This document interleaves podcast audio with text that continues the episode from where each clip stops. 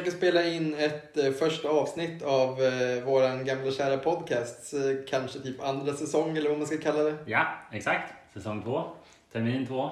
Något Vi är tillbaka från semester, välförtjänt. Och eh, det är Magic också, känns det som. Ja, men faktiskt. Faktiskt. Det är ju aldrig lugnt egentligen på Magic-fronten. Men det är ännu mindre lugnt nu. Nej precis, för nu kan man faktiskt träffa folk och spela med korten. Exakt. Till skillnad från när vi spelade in vårt senaste avsnitt. Då levde vi fortfarande med typ fulla restriktioner och en eh, väntan på att få vaccinera sig. Ja, men precis. Nu är vi he- helt eh, fulladdade med sprutor. Ja men precis. Så du, känner, du har väl till och med lite biverkningar från andra sprutan? Ja, men jag har lite ont i lederna fortfarande. Jag tog min andra vaccindos i förrgår och vaknade med någon slags fullblodsfeber igår, men det var liksom vaccininducerat. Så nu är det bättre, skulle jag säga. Jag mår rätt bra. Det är som en en minuskanter på dig. Om jag låter ovanligt negativ så kan vi skylla på vaccinet. Ja, det är jättebra ursäkt. Det är samma sak, jag ska skylla på det också om jag börjar bli, alltså om jag är dålig på Magic i framtiden ska jag bara skylla på vaccinet. Ja, Covid. ja nej, men verkligen. Du överlevde knappt och därför så det känns av nu. Ja, ja, nej men så är det ju verkligen. Och när vi spelar in det här så är det spännande tider för att det har precis varit Wizards stora showcase. Ja, just Där det. de visade upp alla sätt som kommer komma 2022. Ja, förmodligen kommer de klämma in något ännu mer som de inte visade. Ja, precis. Förutom då att jag fick min andra vaccindos i tisdags så berättade de vad som är på gång då. Just det, det var i tisdags. Ja, Ja, exakt. ja. Mm. Exakt, det var en väldigt tuff dag för dig. Det var mycket intryck. Ja, precis, jag fick både en nål intryckt och mycket annat intryckt. Men jag ska, en, eh, bara, vi kommer in och prata massor om eh, showcasen. Avsnittet handlade lite om det. Ja, Men jag vill bara säga för min del så var ju showcasen också, förutom att de släppte de här fyra nya sätten som alla känns eh, intressanta på olika sätt, så är det ju mycket att det bara blir mer av samma nu faktiskt. Alltså det vi redan har haft det senaste året, tror jag, alltså det är ungefär samma. Lika många sätt som det varit i år, ungefär lika många andra extra produkter, fortsatt med Secret Lairs, Japp. ungefär lika upprörande Secret Lairs. Vi kommer hinna prata om det som sagt. Men jag tycker Ja. det är roligt att eh, även om man kanske lite satsar på nålar så måste jag säga att det de basically har sagt är bara vi fortsätter. Ni verkar gilla det här. Ja, this train ain't stopping. Nej men exakt. Nothing stops this train. Ja, Ja. Nej, och det är en jättebra segway in i avsnittets eh, tema ju faktiskt. Som kommer handla om just Magic idag, alltså Magic nu. Magic de senaste åren kan man säga. Alltså vad är det egentligen det här älskade spelet vi har? Eh, vad är det, hur gör de nu för tiden? Och vad är bra och dåligt med det liksom? Folk har ju ofta väldigt starka åsikter. Mest vad som är bra faktiskt. Ja. Vi kommer väl ta oss friheten och fokusera lite på det även om det är omöjligt att inte prata om, om bieffekterna också. Men det blir på något, sätt ändå en positiv twist. Ja, Eh, och dels- utan, utan att behöva krysta vill jag nog tro. Vi får se. Jag Ja, tror inte vi- man behöver gräva djupt för att hitta det positiva. För att det är ju där egentligen om man tänker efter. Precis. Nej, men eftersom vi, vi tillhör ju inte de här stora Magic-influencersna som faktiskt försöker påverka Wizard i någon slags mer folklig riktning genom att eh, liksom elda på en stämning mot att det aldrig reprintas fetchländer som det var för några år sedan. Eller Mm. ehm, att sätten kommer för fort och sånt där. Vi har inte riktigt den, det inflytandet på, på Wizards. Det vore ju kul om det kom fram att en Wizards employee faktiskt lyssnar på podden. Det skulle vara Ja, otroligt väldigt, förvånande. väldigt förvånande. Ja. För det, det som jag skulle säga som jag tycker är intressant är att jag kan ändå uppskatta, jag brukar ju gnälla mycket på gnällspikarna. Just vet ju framförallt du att jag kan vara sur på typ The Professor eller på, eh, på vad heter det? Present Kenobi kanske. Ja precis, eller MTG Goldfish också när de är för negativa. Mm. Men de har ju ofta rätt tyvärr. Ja. Alltså de, det är bara att de bara fokuserar på det negativa som kan bli lite tröttsamt för att det resonerar ju mycket med spelarna sen. Ja, det är dock, till, till deras försvar så är det inte helt sant att de bara fokuserar på det negativa. Nej okej, men det är det negativa som får väldigt mycket uppmärksamhet Exakt, kanske man ska säga. Eh, och det är ju också positivt för att det har ju ändå fått effekter om man tittar på vad som har hänt med till exempel fetchländerna. Jag skulle inte säga att det är deras förtjänst, det kanske har varit planerat jättelänge men alltså det har säkert hjälpt. Eh, Ja, The Professor vill i alla fall ta på sig att de reprintade Obliett. ja, Och det okej. kan nog stämma. Ja, mycket möjligt. För det är en weird, det är en de det? weird reprint. När kom den? Double Master så. Ja, det var det ja. Just det. Nu med, nu med facing. Alltså de använder ju facing-wordingen för att den är så konstig. Mhm. Mm, det är ett gammalt Arabian Nights-kort ju. Ja, jag vet vilket kort det är. Ja, Okej, bra. spännande. Mm. Ja. Ja, hur som helst, nu ser vi börjar prata om alla möjliga saker samtidigt. Så taggad är man. Eh, Men innan dess, eh, vad har vi på gång i våra Magic-liv? Det har vi redan svarat lite på, men nu svarar vi igen. Ja, precis. Jag kan ju säga att eh, Jag skulle ändå säga att eh, hype för det som är på G är väl nog en del av det som är på G. Alltså man tänker på det, man diskuterar, skojar om allt som händer liksom. Läser memes om Fortnite, gör memes om Fortnite och så vidare. så det är en stor grej. Men också, as we speak, så är det imorgon så släpps eh, Jumpstart Historic Horizons, heter det va? Ja. På Arena. Ett jävla namn vill jag bara säga. Och det är en mouthful alltså.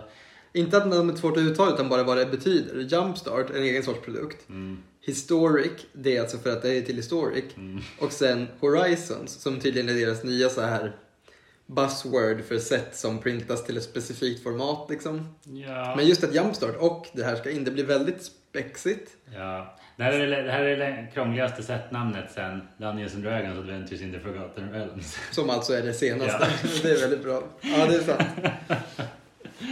Ja, ja. Det är jobbigt för jag gör ganska mycket Facebook-event med Magic-relaterade. Och det är väldigt ofta för jag får ofta skriva ut Dungeons and Dragons Adventures in the Forgotten Realms på liksom de här eventen. Och det är svårt att ens förkorta det på ett värdigt sätt så det inte bara blir väldigt otydligt. Visst.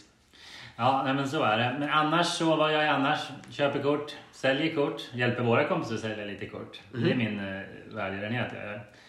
Det hjälpte nästan mig att sälja kort, sen var det någon som kom och knep dem. Ja, exakt. Jag har börjat sälja på Car Market faktiskt. Och det, Mm. det är väl ändå något som hänt i mitt märkliv. För att det har jag dragit ut på länge. Mm. Men det är för att jag har ju, och jag tror vi alla ibland har väldigt svårsålda kort. Alltså som är svindyra, ovanliga, men svårsålda. Ja, framförallt om du ska hålla dig till den svenska Facebook-marknaden specifikt, eller bara SVM. Ja men exakt. Väldigt svårt. Verkligen så. Eh, Så, så det känns väldigt bra. Absolut, det har gått bra hittills. Inga som tappar, inget som tappats bort med posten. Eh, Och sen så har jag faktiskt byggt en ny IDH-lek. Det var faktiskt länge sedan nu. Mm, kul. Eh, Monosvarta artefakter. Ja, jävlar. Jag tror jag har nämnt det för typ många, många avsnitt sedan. Det det behöver inte vara så, jag tror det. Och det är ju för att det, jag har ju skojat. Du, minns jag, du pratade om att du ville att någon skulle göra det. Så Ja. fick du kavla upp Ja. armarna, till, det eller blir ärmarna ofta så. Det blir ofta så. Nej men grejen är att en av mina och till viss del hela vårt metaspecialiteter är ju att ta ett tema och sen tänka hur kan man göra det här sämre? Typ. Hur kan man göra det på ett konstigt sätt? Ja. Till exempel, jag håller nu på att hetsa också Dirk att bygga monoblåa auraleken. Eller blåsvarta auraleken. Med Ramses Overdark från Legends. Jag var påmind om hur tuff han är. Vad gör han? Det är en 4-4 för 6 som kan tappa för att destroya en enchantad creature. Och så lägger man själv en chans på dem. ja. Gud vad dåligt. Riktigt nice. Ja. ja. I alla fall. Istället för att bara spela en spot removal Ja. i leken så spelar Ja. man massa enchantment som... Ja, Men de kan trippa kanske, vad vet jag. ja okej då. Ja, hur som helst. Um, eh, och eh, en sån lek som jag har skojat om länge är ju så här, artefakt för artefakter är det bästa temat typ i IDH. Nu överdriver jag, men jag tror jag tar i lite. I casual är det väldigt Ja, bra. det är väldigt bra tema. Det, det finns otroligt mycket support liksom. Eh, och ehm, då har jag sagt vad är det, vilken färg har minst artefakt support? Eh, och då har jag tänkt att det är svart. Det kan vara grönt dock nu när jag tänker efter. Mm. Men det är definitivt svart eller grönt. Ja. Alltså men med Commander Legend så kom det ju två legender. Svarta, monosvarta legender som supportar artefakter. Just det. Eh, med partner båda två. Ingen av dem är jättebra, men ändå. Så ja, nu har jag byggt leken. Det känns riktigt bra. Har du hunnit spela med den? Nej, jag har inte ens livat in den. Jag har ingen att spela med i Stockholm just nu. Just det, det är ett återkommande tema. Ja, men jag ska... Ja, men snart så. snart så. Mm. Så det är väl det. Inget mer? Jo, garanterat. Men jag har... Det får räcka så. Ja, precis. Det skulle kunna bli ett eget avsnitt nästan på gång i ens Magic-liv. Ja. Jag vet inte, vi får se. Eh, antingen kommer vi klippa bort det här som jag säger nu, eller så kommer vi inte göra det. Men eh, här någonstans skulle man kunna klippa in från eh, när jag eh, i förra avsnittet säger att jag inte längre har ett Magic-liv i princip och bara sitter och typ sorterar mina gamla kort och väntar på bättre tider. Ja. På gång i mitt Magic-liv. Eh, inte jättemycket. Och de bättre tiderna är ju här nu, verkar det som för min del i alla fall. Intresset är tillbaka. Eh, det började för mig som att jag typ så lite påtvingat kände att jag var tvungen att få igång Magic-spelandet på butiken i och med att restriktionerna började släppa. Mhm. Eh, trogna lyssnare vet att jag och eh, delvis Harry och flera till driver en spelbutik i Eskilstuna. Eh, och ja, nu går det helt enkelt att spela igen. Men det betyder ju inte att folk bara hoppade på tåget så direkt. Utan det kräver ju lite arbete att få folk att komma igång igen. Ja. Många har tappat relationen till spelet. Många har liksom tappat vanan med att man går till en butik och spelar. Så jag och eh, Robert, som också är en vän av podden, har eh, helt enkelt bestämt oss för att vi är med på allt tills vidare. Vi är med så fort vi kan vara med så måste vi gå dit, vi måste vara glada, vi måste lira och liksom försöka få igång communityt. Så det har varit några gånger när jag, Robert och vår kollega Nick har varit de tre och sen en kund i eventen. Har det varit så illa? Ja, vi hade ju till exempel typ en re-pre-release av några set för några helger sedan. Just det. Alltså typ de sätten som fick sina pre-releaser störda under pandemin skulle man kunna få återuppleva. Ja. Eh, och flera av dem var lyckade, vi var liksom ett, ett gäng. Men flera av dem var också inte så lyckade och vi var vi tre då och en besökare. En, det var dock, måste jag säga, dels väldigt kul att få spela med sina bästa kompisar och Sure. den här, det var ju, kändes ändå bra att den här personen inte blev utan. Nej. Men kanske inte de fetaste Magic-eventen. Nej, nej. Men, men, det spelar ingen roll. Det det här har gjort har varit två saker. Ett, vi har faktiskt börjat komma igång igen mer. Eh, senast eh, modern-turneringarna har vi varit eh, uppemot, eller vi har varit två gånger 15 spelare. Jag var med på ena. Eh, och sen flera gånger som vi varit liksom över 10 utöver det. Så det känns ju kul som att det är på gång igen. Eh, flera helger i rad som jag har kommit ner till butiken, eller flera fredagar för att drafta på FNM. Men Ja. inte fått vara med, för att det varit för många med. Så jag har varit tvungen att gå tillbaka hem liksom och Wow. fått släppa. Så det låter jättelarvigt om ni kanske är en del av något så här stort storstadscommunity. Men för oss så har det varit jättekul. Ja, speciellt draft råkar jag veta att det har varit svårt att få ihop åtta ibland. Ja, men det känns ändå som att det är på väg åt rätt Kanske för att folk bara håller i plånboken. Vilket är till viss del förståeligt så mycket som det släpps. Så mycket roliga saker liksom. Mm, verkligen. Men jag tänker, eh, min filosofi har alltid varit, kan du cracka några boosters så kan du vara med och drafta också. För det är bara ett mycket, mycket rimligare sätt att cracka några boosters på. Du får ditt rare fortfarande om det är keep draft, Ja, ja. men du får spela med korten i några timmar. Vilket också gäller på Arena folks, faktiskt. Ja, Det verkar verkligen. folk glömma bort de som klagar på ekonomin. Man bara, alltså, om du gillar att drafta så får du mycket kort. Mycket, mycket wildcards och Du skit. kan till och med rare-picka. Jag rare-pickar ganska ofta i draft. Nej men det jag skulle säga var att det som har hänt var att den här artificiella peppen för butiken skulle ändå lett till en riktig pepp. Bland annat att jag har tagit tag i och byggt en riktig modernlek för första gången på väldigt länge. Och när jag säger riktig så menar jag inte typ en så här tier 2-lek utan byggt liksom en av de riktiga lekarna i metat. Eh, jag har eh, Sen det råkar vara den dyraste typ av alla. Ja, jag antar det. Jag antar att de trefärgade raggarvan-lekarna är väldigt dyra också. Ja, du har rätt. Men det är i alla fall En av de dyraste lekarna. Ja. Eh, Den här Ephemerate Elementals-leken med Omnaf.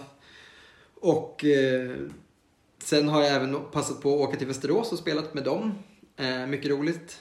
Och bara försökt börja bygga ihop det här. Alltså förr i tiden upplevde jag att det fanns liksom en, en man man åkte runt och spelade mer.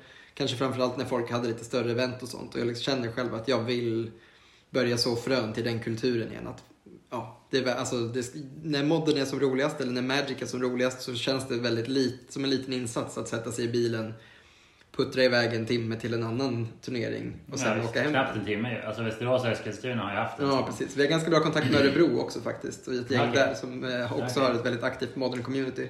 Just det. Annars Så- tänker jag att eh, Västerås och Eskilstuna är lite som Rohan och Gondor. Nej, precis. Man är fiender typ, men, Ja, men man, är ändå, man hänger ihop. det var det som Liksom. bara... du, du, du, Och sen det horisonten liksom. Sen så kommer de i alla fall. När man trodde att man knappt skulle... Man tycker lite få personer där. Så bara, It's Ja, the Westeroses! Dundrar de in på butiken. Ni bara... Oh, Då alla, alla febrilt börjar ändra sina sideboards för man vet att så här, shit, nu kan jag fan helvete. Exakt.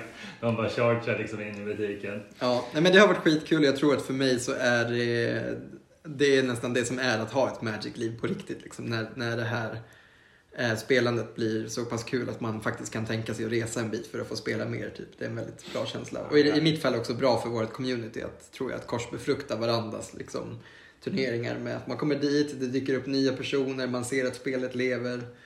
Och kanske till slut att man kan få till en kultur där man ofta åker på varandras liksom, ligafinaler och bara är med och spelar och försöker, ja, jag vet inte. Ja, Drömmen om att få åka liksom och vinna på andras turneringar. ja visst. We draw swords together. Men eh, sen, jag vet inte, mitt intresse för Commander är väldigt svalt just nu har jag märkt. Jag har väldigt svårt att sätta mig och förkovra mig in i mina nya lekprojekt. Eh, vilket på ett sätt kanske är synd, men jag tänker också att jag vill ju att Commander ska vara liksom kryddan i mitt Magic-liv och inte liksom varmrätten. Eh, och det känns bra just nu för min del att det är så. Eh, det är liksom draft och, och modern som står Mm. eh, först. Visst. Och också lite Arena. Jag fick ju höra en riktigt dråplig historia här innan vi började spela in. Mm, just det. Nej, men häromdagen så installerade jag MTG Arena på telefonen igen efter ganska lång tid av eh, avhållsamhet. Ehm, men jag, den här veckan bor jag hos min eh, tjej i Stockholm. Eh, hon tycker det är konstigt att jag sitter och spelar mobilspel liksom, och kanske framförallt när hon förväntar sig att vi ska umgås, vilket jag köper. Det är fett osocialt. eh, men då började det med att jag satt på dass liksom, satt och spelade en match i en draft. Tänkte jag skulle ta en dusch. Jag vet inte, fortsatte liksom. Starta ett nytt game medan jag kliver in i duschen. Jag vet, gränslöst, konstig move. Men eh, om det inte liksom hade spelat ut sig som det hade gjort så hade det inte varit något mer med det. Så, det, den så du här... öppnade dörren till duschen? Ni kanske inte har en? Ja, nej men det, det finns inget lås på toaletten här. Men jag tänkte hur du lyckades spela medan du var i duschen. Blöta Men det finns en liten bänk bredvid liksom. Jag vet inte riktigt hur jag lyckades. Det hör inte riktigt till saken. Det som hände var att jag spelade samtidigt som jag duschade. Eh, det gick som planerat fram till... För det som var grejen var att det här skulle bara hända, sen skulle det falla i glömska. Jag själv skulle inte ens komma ihåg att det här hade hänt. Utan det skulle bara passerat som ingenting. Eh, men då öppnas plötsligt dörren. Eh, jag har inte känt mig så påkommen liksom sen första gången mina föräldrar, eller första enda gången mina föräldrar eh, här, tog mig på bar gärning medan jag onanerade. Utan det var verkligen så här helt naken står man där med handen utsträckt ner mot draften liksom för att slänga ut en 4-5 med Ward 3 och komma på sig själv med hur absurd den här situationen är när någon annan säger Spelar du i duschen? Vilket förstås bara var att erkänna. Det var det verkligen den såhär, baby it's not what it looks like. Ja. punkt, punkt, punkt. Okej, okay, wait a minute. Det är exakt vad det ser ut som. Nej, det var inte så mycket mer. Alltså, ja, hade det varit så att jag faktiskt konstant liksom alltid spelade gränslöst mycket spel så hade det varit någonting att verkligen skämmas över. Men nu var det nog... Jag, jag vågar säga att det var en engångshändelse. Kanske en av må- många engångshändelser. Din mobil är inte vattentät klart. I så fall liksom, tänker jag att det kan hända igen kanske. Ja, vi får väl se. Jag ska inte... Nej, ja, ja. Vem vet? Eh, nej, men det, på sätt och vis är det väl kul att Magic, Magic-livet är igång igen. Får bara försöka hålla det på en bra nivå antar jag. Indeed. Yes, då så. Ska vi dundra vidare? Det ska vi absolut. Japp, eh, till avsnittets tema. Okej, så. Så här va. Jag har ju då tänkt att det här ska vara det första av två avsnitt. Eh, dubbelavsnitt. Visst, double masters. Kan vi kalla dem. Eh, ja, eh, och det första eh, handlar om allt som är, eller egentligen allt som är nice och lite vad som är mindre nice med hur Magic är nu för tiden. Alltså ny Magic, modern Magic. Jag tänker mig hur Magic funkar i modern tid. Alltså som till exempel typ sen kanske sju år sedan tillbaks, fem, sex, sju år sedan tillbaks och framåt. Eller något sånt. Och i mitt huvud tänker jag kanske två, tre år tillbaks. Vi får se exakt var vi landar. Mm, vi får se var vi, var vi landar. Men många av de sakerna som är positiva idag började nog för kanske sju år sedan. Så det kanske var det. Men, vi, men, men precis. Men oavsett i alla fall hur Magic är idag. Och då snackar vi alltså hur det funkar liksom. Releasen, designen och så vidare. Eh, Precis, man kanske inte istället för att säga bra och dåliga saker kanske, kanske man kan kalla det för en allmän kommentar Ja. på Magic idag liksom, eller nutids Magic. Mm, Försöka ta ett större grepp om så här, hur faktiskt saker görs nu.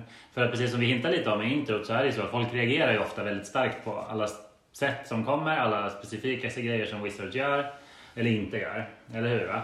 Men att se sätta det i sin kontext tror jag kan vara väldigt intressant. För då tänker jag att nästa avsnitt, eh, eller åtminstone det andra avsnittet i den här serien då, dubbelavsnittet, ska handla om motsatsen.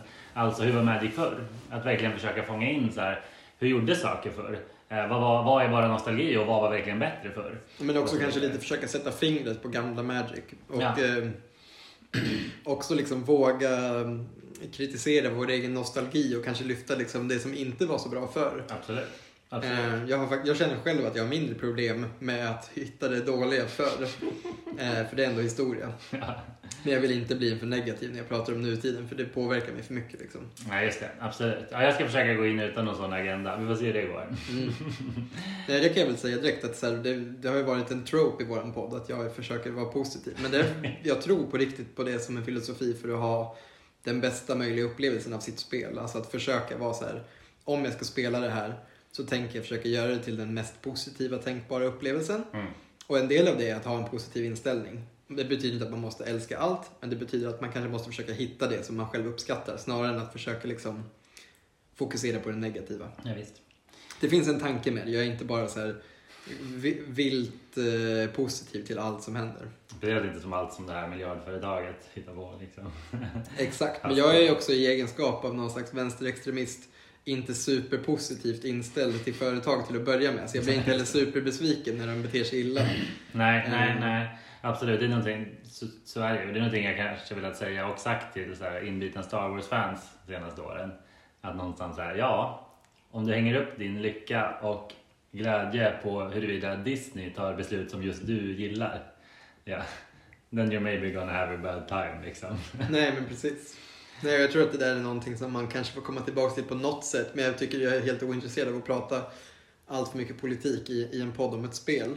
Verkligen. Men att det ändå finns någonting sorgligt i att spel och spelhobbyn alltid ägs av företag. Liksom. För att egentligen så är det så mycket det som spelhobbyn handlar om är det som händer mellan oss. Eh, oss som spelare och gemenskapen, vi kan ju liksom styra ganska mycket över vår upplevelse. Mm. Men det är väldigt lätt att vi stirrar oss blinda på vad tillverkarna gör. Och det är inte konstigt, vi är ändå mycket i deras händer när det kommer till vad de gör med våran produkt. Liksom. Japp. Eh, Så är det. Ja, ja.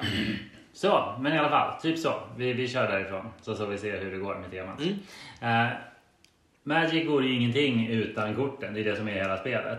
Eh, och någonting har ju verkligen hänt i kortdesignen på, i modern tid. Och det här började nog för ganska länge sedan. Man kanske till och med skulle kunna säga att det började i Theros eller Innistrad. Eh, och vad det jag menar med det är det här med top-down designs. Eh, alltså att de går in med idén om att så här, vi har ett tema och vi ska försöka göra det på Magics vis så troget som vi kan.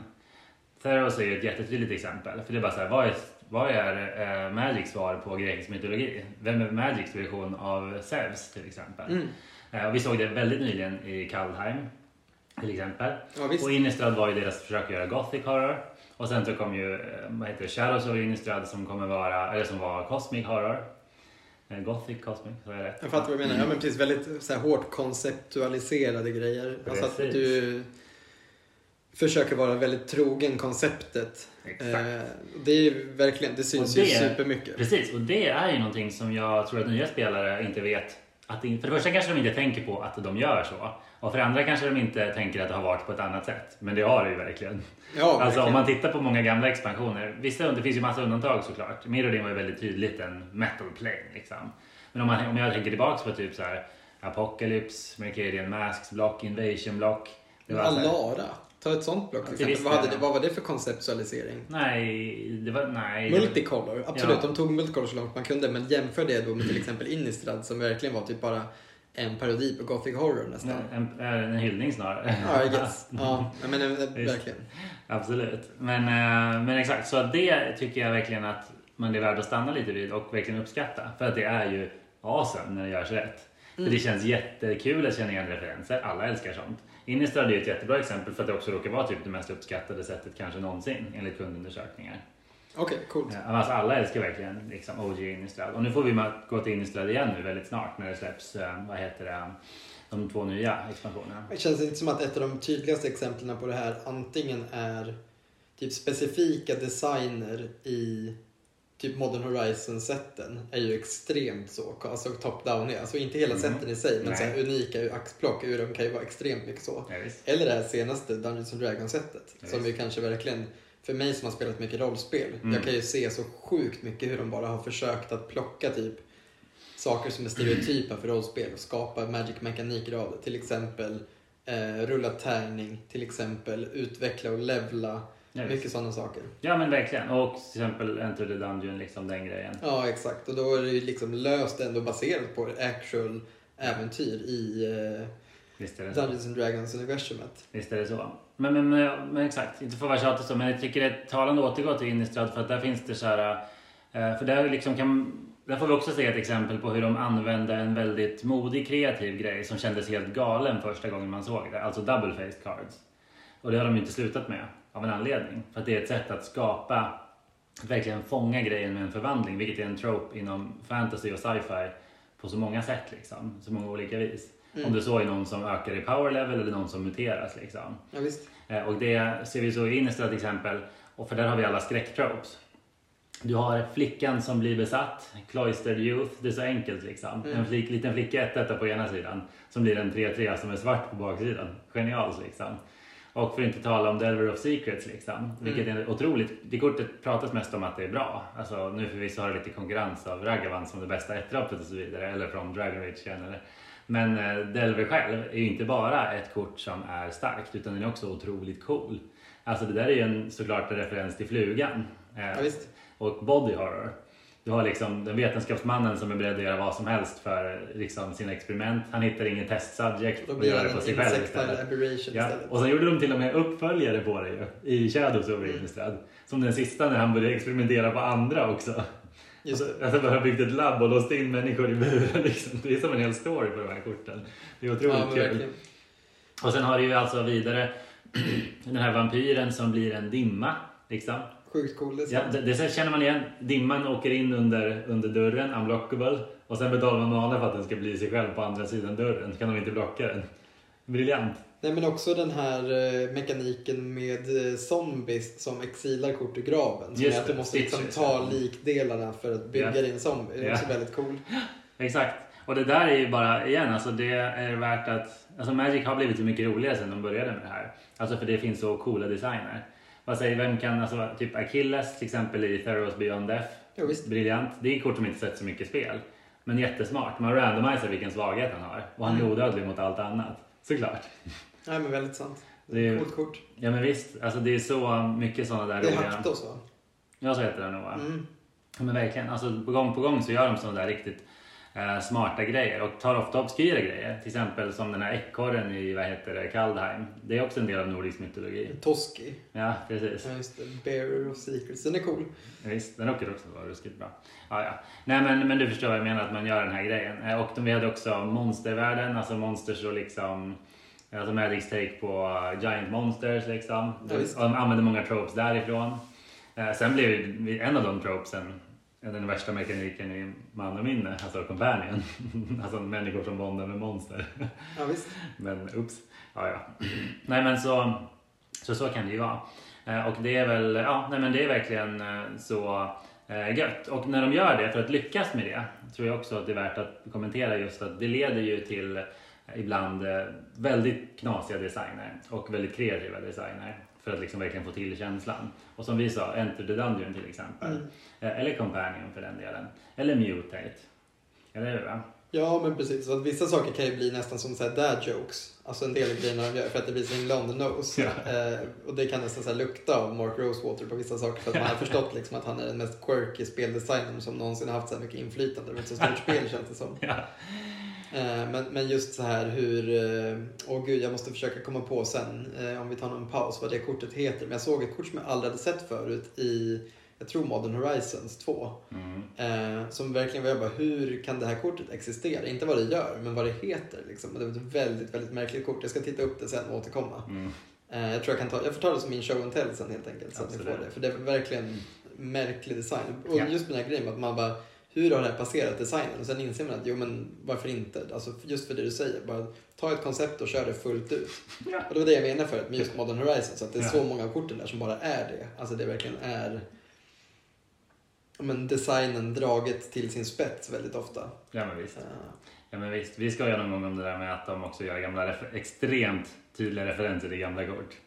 Alltså att de gör, de heter som det gamla och de gör som det gamla liksom. Alltså ja, till exempel som Asmo, alltså det nya kortet som refererar till så här, ja. och Underworld's Cookbook. Ja. Jag menar, det är väldigt, väldigt konstigt för det här är bara baserat på typ en flavortext från 25 Granite- år sedan. Liksom. Granite Gargoyles flavortext. Men, men någon har ändå tänkt att så här, ja, det här gamla mimet som vi gjorde, det ska vi passa på att göra ett kort av. Varför inte? Och det folk älskar det liksom. Ja, ja, ja, verkligen.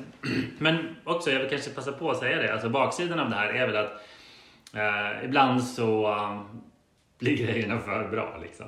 Eh, så att de har lite too excited. Eller att de vill göra en mekanik som är väldigt cool och väldigt unik. Man kanske till och med kan ta Energy som exempel. Man kan definitivt ta Companion som exempel. Alltså de gör en mekanik som är helt ny. För att det ska verkligen vara så åh det här är så coolt. Eh, men sen så råkar det bli eh, för bra. Adventure också. Adventure är ett tydligt exempel. Direkt mana. Ja, precis. Alla de mekanikerna är jättecoola ur ett flavor-perspektiv och det tycker jag inte folk uppskattar tillräckligt. Alltså det är modigt, det är unikt liksom. Mm. Eh, Men ibland så blir det för bra, de har lite för kul kanske. Eh, Eller de är för måna om att sälja pax. Eh. Så den risken finns ju också. Men, men så det får man ju ändå lyfta att så här, det kanske inte riktigt, med de här mer lugna mekanikerna, när de tar lite lugnare med mekanikerna, kör lite mer safe. Att det är lite så här, ja, lite torrare grejer. Som till exempel, vad vet jag, eh, så här, outlast, reinforce, alltså plus counters hit, plus counters dit. Ingen som blir Supply, vem kommer ihåg det? Vem kommer ihåg det? Ingen. Eller hur liksom? Hette det ens det? Jag minns inte ens vad det hette. Det finns så många så Reinforce. Ja, det är diska-korten och lägger plus-counter på. Alltså. Ja, just det, det där. Skittråkigt. Eller hur? Eh, och, och, och, lite så eh, Så ibland, eh, jag skulle säga att de gör sådana tråkmekaniker mer sällan. För jag tror ändå att de får nästan mer kritik än när de är för bra. Ta till exempel Megamorph från Dragons of Tarkir. Torraste. Ja, det var, någon, det var alltså precis som Morph. Fast det heter Megamorph. Och de får en pluscounter när man morfar upp dem. Ja, precis. Och då om man går tillbaka till den senaste kreationen, då, alltså Drag äh, Dungeons and Dragons-sättet, så har de ju där verkligen tagit alla mekanikerna. Alla mekanikerna sticker ju ut och är coola liksom. Mm. Jag vet inte, kanske inte den här Pack Tactics, den är väl, så här, väl kanske till så här, om man då ska prata om tråkigare taktik. Ja, det var verkligen, det där har de gjort också så många gånger förut. Alltså hette typ Formidable någon gång. Ja, eller Battalion-ish. Ja, men verkligen. Men just den här grejen. Det, men också, allt kan inte vara liksom breathtaking i en hel, ett helt sätt. Någonting måste vara lite verkligen trist inte. också. Ja. Um, men de andra designerna, dels det här då med, med äventyren liksom och dels med eh, rulla tärning som också är något helt nytt i ja, princip, på det sättet. Alltså i alla fall i ett standardsätt på det sättet. Verkligen. Eh, spännande, fortsätt med det liksom. Det är, visst hintar de nu, det kommer ett commander-set också med Dungeons and Dragons tema ja, nästa i framtiden. Ja. ja, var det nästa eller näst, nästa? Nej, redan nästa. Det är Commander Legends, vad heter det? Battle for... Battle for Baldur's Gate, ja.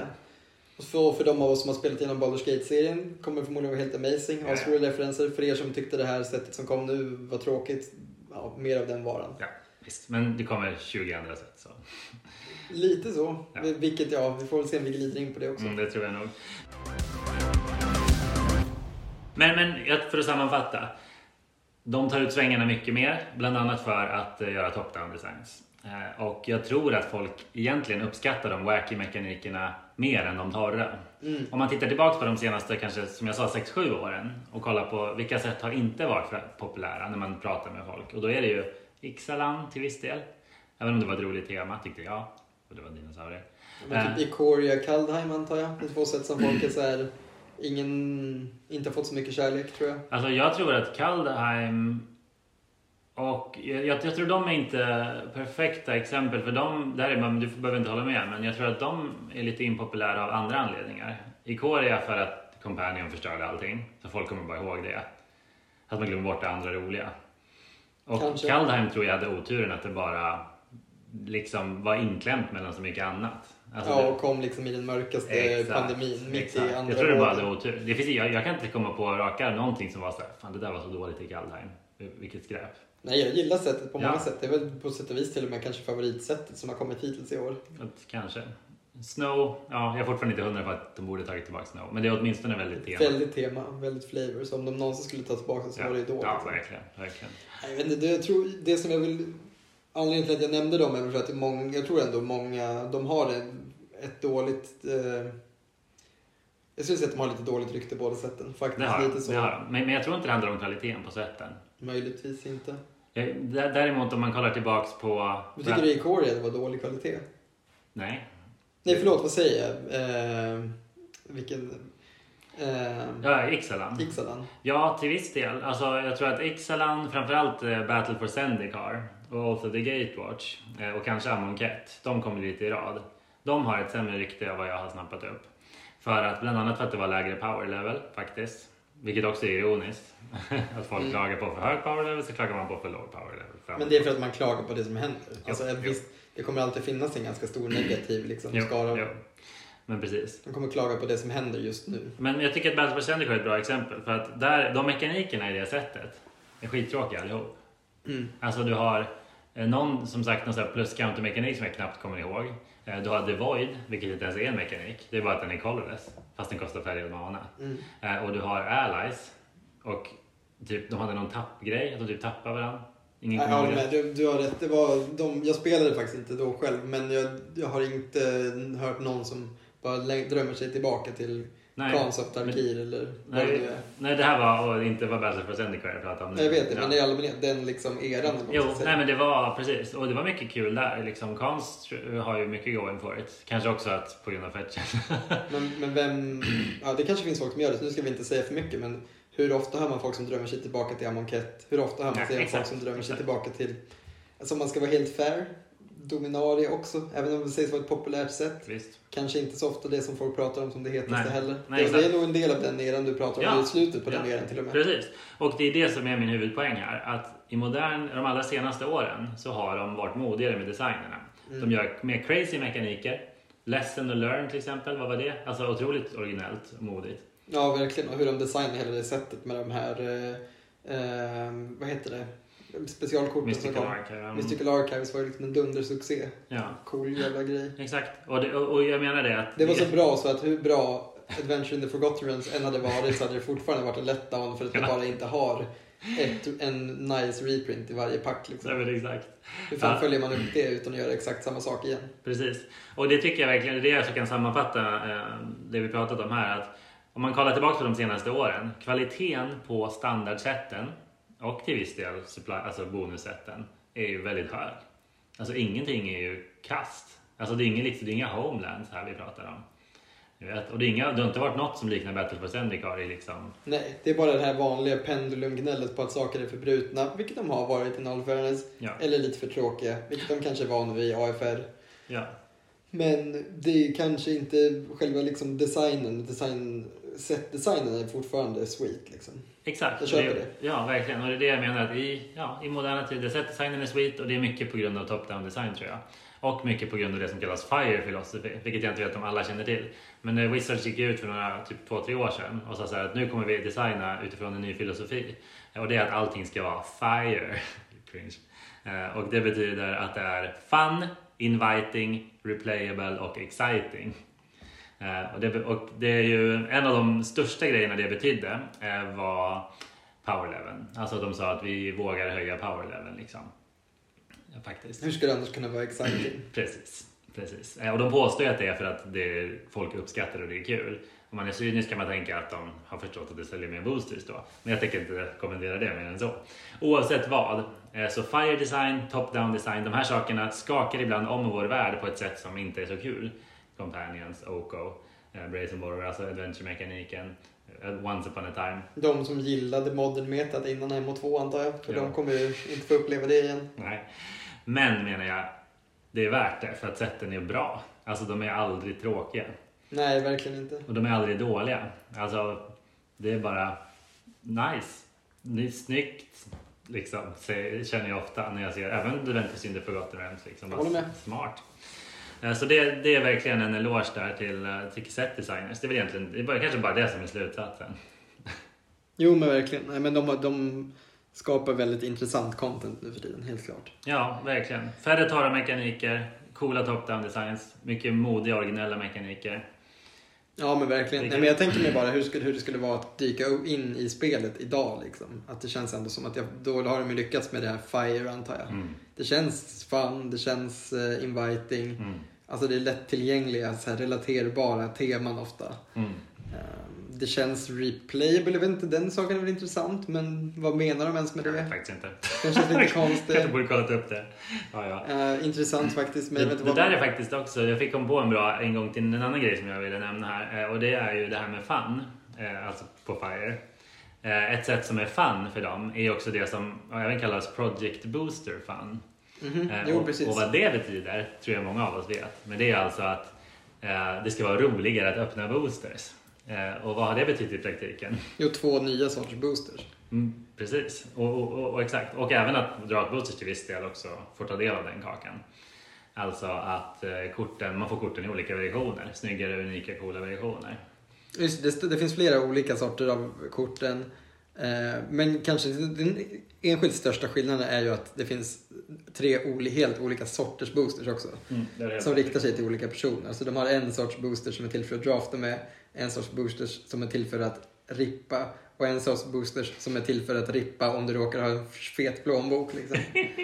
Ehm, och jag får bara säga själv att det är inte ett, en flopp direkt heller. Alltså jag tycker att det är tydligt. Ehm, jag vet inte exakt vad jag tycker om collector boosters för att de fyller väl ingen funktion riktigt i det här. Alltså jag tänker att det egentligen kanske hade räckt med set boosters och draft boosters men om man bara fokuserar på de två till att börja med. Det tycker jag verkligen är en succé. Mm. Alltså en booster som är till för att rippa för de som gillar det. Där det är mindre commons så det är mindre som bara åker rakt i soptunnan. Det är Ja. ganska trevligt ändå för tidigare var det liksom 10 till 14 kort som var liksom bara hej då. Och sen förmodligen med närmare 14 kort som bara var hej då. Och det är ju ett jäkla tråkigt slöseri på papper bara. Mm. Eh, om folk ändå bara ska köpa dem och rippa. Då är det roligare att det kan vara upp till fyra rares, varav fla- så olika art och Visst. specialkort och Och the list för fan. Exakt, vad- plötsligt något jätte, plötsligt en food chain där. Bara what? Ja men exakt. Sk- Skitkul ärligt talat, varför inte? Mm. Collector boosters blir ju bara mer av samma där kan jag känna. Alltså att det blir bara så här, ja men om du vill ha ännu mindre commons och de commons som du får de är alltid foil. Ja. Då har du en collector booster. Och Borde det blir så skippa här, folk om att ingen vill ha det. Alltså, nej, och någonstans där kan jag känna typ att, ja, varför köper inte folk bara sex stycken? Eh, ja, nej men skitsamma. Eh, de, de har väl sitt eget värde liksom och det där, det där ja, vi alla vet ju att collector boosters och set boosters handlar jättemycket om att tjäna mer pengar såklart. Och det, Mm. alltså, det behöver man inte sticka under stolen med. Collect, alltså, det är otroligt smidigt för dem. Men för den som har öppnat båda sorterna så är det klart det är roligare, alltså literally, roligare att öppna en set booster. Japp. Det händer mer grejer i den boostern. Verkligen. Nej men det, det här är ju ett typiskt så här, ja, jag fattar vad ni gjorde. Ni hittade ett sätt att tycka färre kort för mer pengar. Smart. Men det är win för konsumenten också. Det är faktiskt det som du säger. Det blir Jo, fler, färre kort som åker i soporna.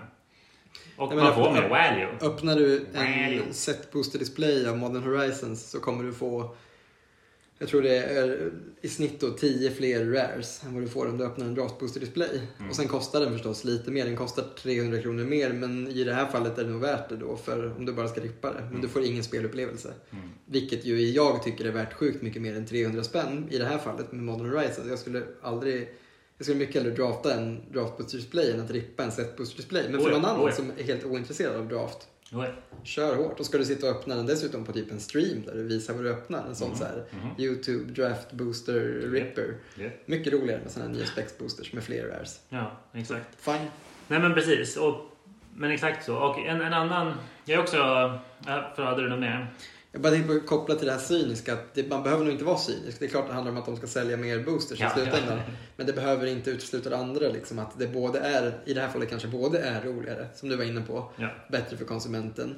Och bättre för dem. Ofta är väl det så också, typ, alltså, ska man vara helt ärlig, ofta är det samma sak då för ett företag. Det som Ibland, är bra för konsumenten är ofta det som är bra för dig i längden. Ja. Alltså det borde ho- förhoppningsvis Wizards har på olika sätt visat att de inte förstår det och i vissa ibland visat att de förstår det. De kan vara lite ambivalenta. Ja men det här med long term, f- short term profit, stability of the game och så vidare. Och det är klart, för dem är det alltid en liksom balansgång det där med att de både ska kunna visa bra resultat för sina ägare samtidigt som de också måste hålla spelet fungerande vid liv. Det måste vara en, en jävla utmaning. Exakt. Men en annan snygg transition, om jag får säga det själv, är ju att i de här fan, Project Fan Boosters, för att inte tala om Collector Boosters, vad hittar man i dem då? Jo, till exempel om vi tar Modern Horizon som exempel. Ja, Edvard, vill du ha en, eh, vad heter det, vad ska vi ta för exempel? Ja men eh, Ignoble Hierarch. Det var absolut det vill jag. Ja, vill du ha den vanliga? Eh, I guess. Eller vill du ha en foilad? Eh, eller vill du ha en old border? Eller vill du ha en old border foil? Eller vill du ha en etched old border foil? Eller visst det, vill du ha en sketch förresten? Jag vill ha en sketch foil. Ja, fattar du min poäng va? Ja, det är faktiskt roligt den här grejen du tar upp nu för det är ganska svårt att i sin modellek få ihop ett playset av samma version. Ja. När det finns liksom totalt tio olika versioner av samma kort. Så. Och det, precis, och det här är ju någonting väldigt unikt med nya Magic, eh, eller hur? Va? Alltså, ja, absolut. Back in my day så fanns det ju vanlig och foil. Och foil kostade normalt sett dubbelt så mycket. Det var, inte så jävla mycket svårare än Nej, så. men det var nästan ofta exakt dubbelt, ja. Visst. Eh, och nu, Blåa commons var undantaget. Blåa common staples var undantaget för en foil kostar mycket, mycket mer än dubbelt. that's true. That's true. Jag minns vår kompis Dennis betalade riktigt mycket för foilade spreading för ganska länge sedan. Liksom. Och vad är de värda idag? Inte så mycket, nej. Inte så mycket. Ja, ja, whatever. Men ja, så här va. En del av Project Booster Fun är ju att det finns massa versioner av korten. Eh, och vad tycker vi om det då? Alltså, det finns väl två, i mitt huvud, två förhållningssätt. Det ena är mitt egna, högst personliga, som är att jag inte ens kollar på korten förutom namnet och vad det gör. Så jag är helt fel person att säga något om det här. För, eller så här, I mitt fall gör det ingen skillnad. Nej. Varken från eller till. Det, jag skulle inte ha full art foil av mina kort för att det kostar mer. Typ en endurance i full art foil kostar 1000 spänn istället för en vanlig endurance som bara kostar 300. Då är det klart jag hellre köper en vanlig Bara 300. som hittar. Men Eh, om de hade kostat lika mycket, alltså då hade jag inte brytt mig om vilka jag hade i min lek. Mm. Jag är inte den typen av spelare. Först jag ska sälja korten, då är jag ledsen att jag inte har playsets på samma sätt. För många andra bryr sig väldigt mycket om det här. Japp. Och för dem måste det här vara skitjobbigt. Ja. Vi har en Alltså att få tag på ett ofoilat ja. playset med vanliga, det är ganska svårt helt plötsligt. Det är väldigt sant. Jag tänkte knappt på det. Vi har en kompis på spelare som jag har reagerat mer än en gång att han ofta vill ha, även om det inte det är samma bild, samma ram, ändå måste det vara samma expansion. Alltså vissa är ju så OCD. Men det är Jonis. Det är det, ja. Det är Jonis, ja. Exakt, det kollar vi ut honom här. Men någon gång, som, men faktiskt, jag, kan, fan, jag tycker det är så pass konstigt så jag kan jag kan ha. Liksom så här, jag bara, ja men vill du ha en Ugin? Han bara, är den från Corset? Jag bara, nej vadå då? Nej, jag vill inte ha den. Han bara, nej, det är samma bild. det är samma ram. Men lite fattig honom, det- för att det är ju förstås ännu lättare att sälja ett playset från exakt samma sätt. I guess, I guess. Jo, då, jag är inte sur på honom på riktigt. Men, men det var ovanligt att någon var så noga. Hur som helst, eh, jag förstår verkligen vad du menar. Det är bökigt med full placet och sådär. Den andra, eh, om man ska börja med det positiva, mina tankar om det här, är ju att de här speciella ramarna de gör är ju ibland tok... Prosit. är ju ibland assnygga eh, och jättekreativa. Det är också någonting som kanske inte alla vet, men de hade också ett statement för ett par år sedan där de bara så här, från och med nu kommer vi eh, vara mer wacky med ramen på Magic. Alltså, vi kommer bara leka med det mer. Det är också något som man inte hade förr. Alltså Planeswalkers, när de kom så var de tvungna att liksom stretcha ramen lite grann. Och det var ju rätt unikt. Och, och också att man såg arten under texten. Har du tänkt på det? Ja, har visst, det vet jag. Planeswalkers. Ja. Och det var ju coolt då. För att det var, man hade inte sett att de tog ut svängarna på det viset. Men nu däremot så är ju ramarna... Alltså, Nej, det är verkligen sant. specialartsen, det är ny Så varje set. extended art. Ja, först har vi extended art. Den är absolut den tråkigaste. Alltså det skulle jag aldrig betala extra för. Typ. Förlåt, men det är bara var väldigt personal opinion. Fast det, det, Men nu, nu är det inne på, det här är bara din personliga det var, ja, ja, ja. 100%. Det är 100% min egen, absolut. Men, men jag tycker bara att så här, bland de här riktigt unika varianterna så tycker jag den känns futtig. Alltså så här, ska jag betala extra för den lilla skillnaden? Liksom? Man betalar ju oftast inte extra för det vill jag bara säga heller. Inte. Det är lite så. Nej, väldigt lite skillnad. Nej. En ofoilad extended, en vanlig, det är typ samma. Säkert. Det är på samma sätt som att en vanligt foil idag väldigt sällan kostar mycket mer än den normala Det är jätteriktigt. Det är också något som har hänt på grund av Booster Fund. Ja, men visst. Ja, hur som helst. Så för först vill jag rekommendera det att eh, de nya, vissa av dem, de gör ju nya ramar varenda set. Alltså en ny touch på det. Sketch art från Modern Horizons.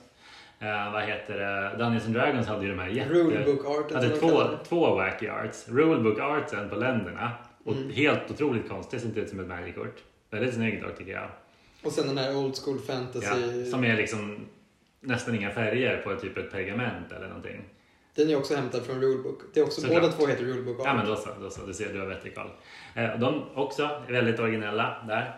Eller hur? Kaldheim hade liksom de här eh, serietidnings liknande liksom stentuffa grejerna. Såg Ja. ut som så här deathcore band liksom. Väldigt coola. Ja, alltså varje gång kommer det någonting nytt. Eh, och ofta är de jättesnygga. Det är lite till och med så att varje set har sin Ja. egen typ. Japp.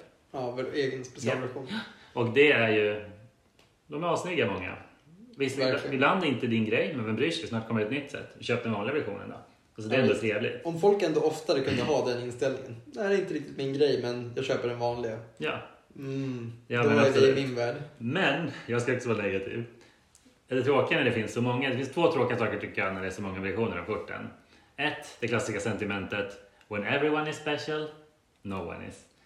Det blir svårare liksom att utröna vilken av de här är premiumversionen. Förstår du? Mhm. Det finns ändå någonting vackert i simpliciteten. Att så här, här är versionen, här är lyxversionen. Vill du ha lyx eller inte? Nu är det lite så här, oh, du vet, vilken är den? Mm, varför är den dyrare än den? Okej, ja, mm, du vet, okej, men så den här, vilken är ovanligast egentligen? Jag vill ha den ovanligaste, men vilken är det? I don't know. Men Ja. precis, det blir svårt att veta. Ja, men Ja. till exempel, ett väldigt bra exempel på det var ju de skillnaden på eh, Etched. Old Border Etched Foil och Old Border Foil. Ja, som var så här, vad är skillnaden? Jag vet. Eller, Okej, ska vi han veta? Jag vet fortfarande inte vad som är skillnaden. Jag borde veta för att det är stor skillnad. Du skulle se skillnad om du såg dem framför dig. Ja, det är möjligt. Men den här, de här Old Border Etched Foil kom bara i Collector Boosters om jag inte minns fel. Ja, det också, precis. Medan Old Border Foil kan du fortfarande få i set boosters och i vanliga boosters liksom. Ja, också, det är också dumt. Köper du Collector Boosters så vill du väl få the real shit. För det visade sig att De, de är de, mer de värda. Som är de dyrare. Nej, nej, tvärtom. Är det så? Ja. Old Border Foil vanliga är mycket dyrare. Ja, till exempel. Så skitsamma. Du ser. Men, men, Men det här är precis min poäng. Det är rörigt. Och det är det som är min huvudkritik mot Project Booster Fund-designen. Att det blir rörigt att hålla koll. Alltså du blir Mm. virrig. Om du går in på Card Market, går in på Svenska Magic. Du ska lägga in, om vilket kort har jag? Måste du välja mellan massa olika saker. Det är hemskt ibland. Ja. Framförallt när man ska typ så här, hitta rätt mellan om det är pre-release promo eller om det är ett promo pack Ja, eh, rare. ja och mm, det är riktigt störigt faktiskt. Det är rätt jobbigt, men vad ska man göra liksom åt det? Eller jag menar, för, för, för, man, för att man kunde önska att Wizard gjorde på ett Ja. annat sätt. Ja. Men ska man då istället tänka vad, ja, men vad är det som faktiskt är jobbigt med det här? Jag tycker typ i praktiken att det enda som är på riktigt jobbigt med det är att det är väldigt svårt att få tag på ett playset av samma art. Och Ja, för, det. för många så är det, är det ett större problem. Ja, och lustigt nog så tänkte jag inte ens på det, så det är kul att du kommer in med olika vinklar. Jag tänker bara på att sortera på när jag lägger till i min häv.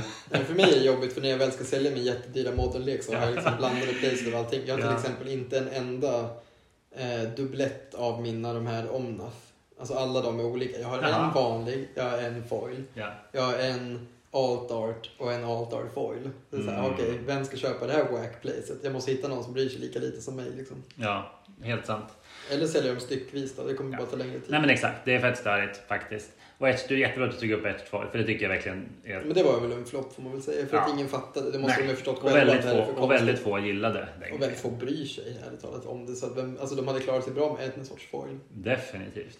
Definitivt. Men då kan man passa på att säga en annan sak. När såg du senast ett Pringles foil?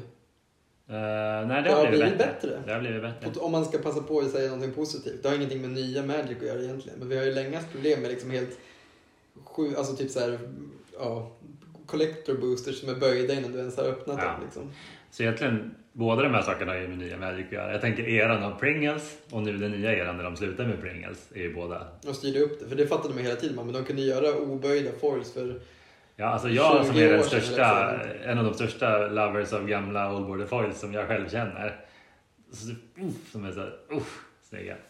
det är bra. Perfect quality. Ja, det är väldigt bra grejer. Ja. Nej, fint. Jag tror vi kan väl gå vidare från det Ja, kanske med ja. kom någon slags sista kommentar som bara är att ja, det, det som är special nu, det som är lite roligt med det är att det har, varit, det har blivit, alltså på ett sätt är det rätt, det är svårare att vara special. Mm. Vilket gör att det blir extra special när man väl lyckas. Mm. Alltså när du väl hittar en, men ta typ så här eh, Polluted Delta i foil från Onslaught. Det har ju Oh, blivit skitcoolt nu för att nu är det liksom så här, Roligt att du tog just det exemplet. ja men för mig för att jag har en Jag vet.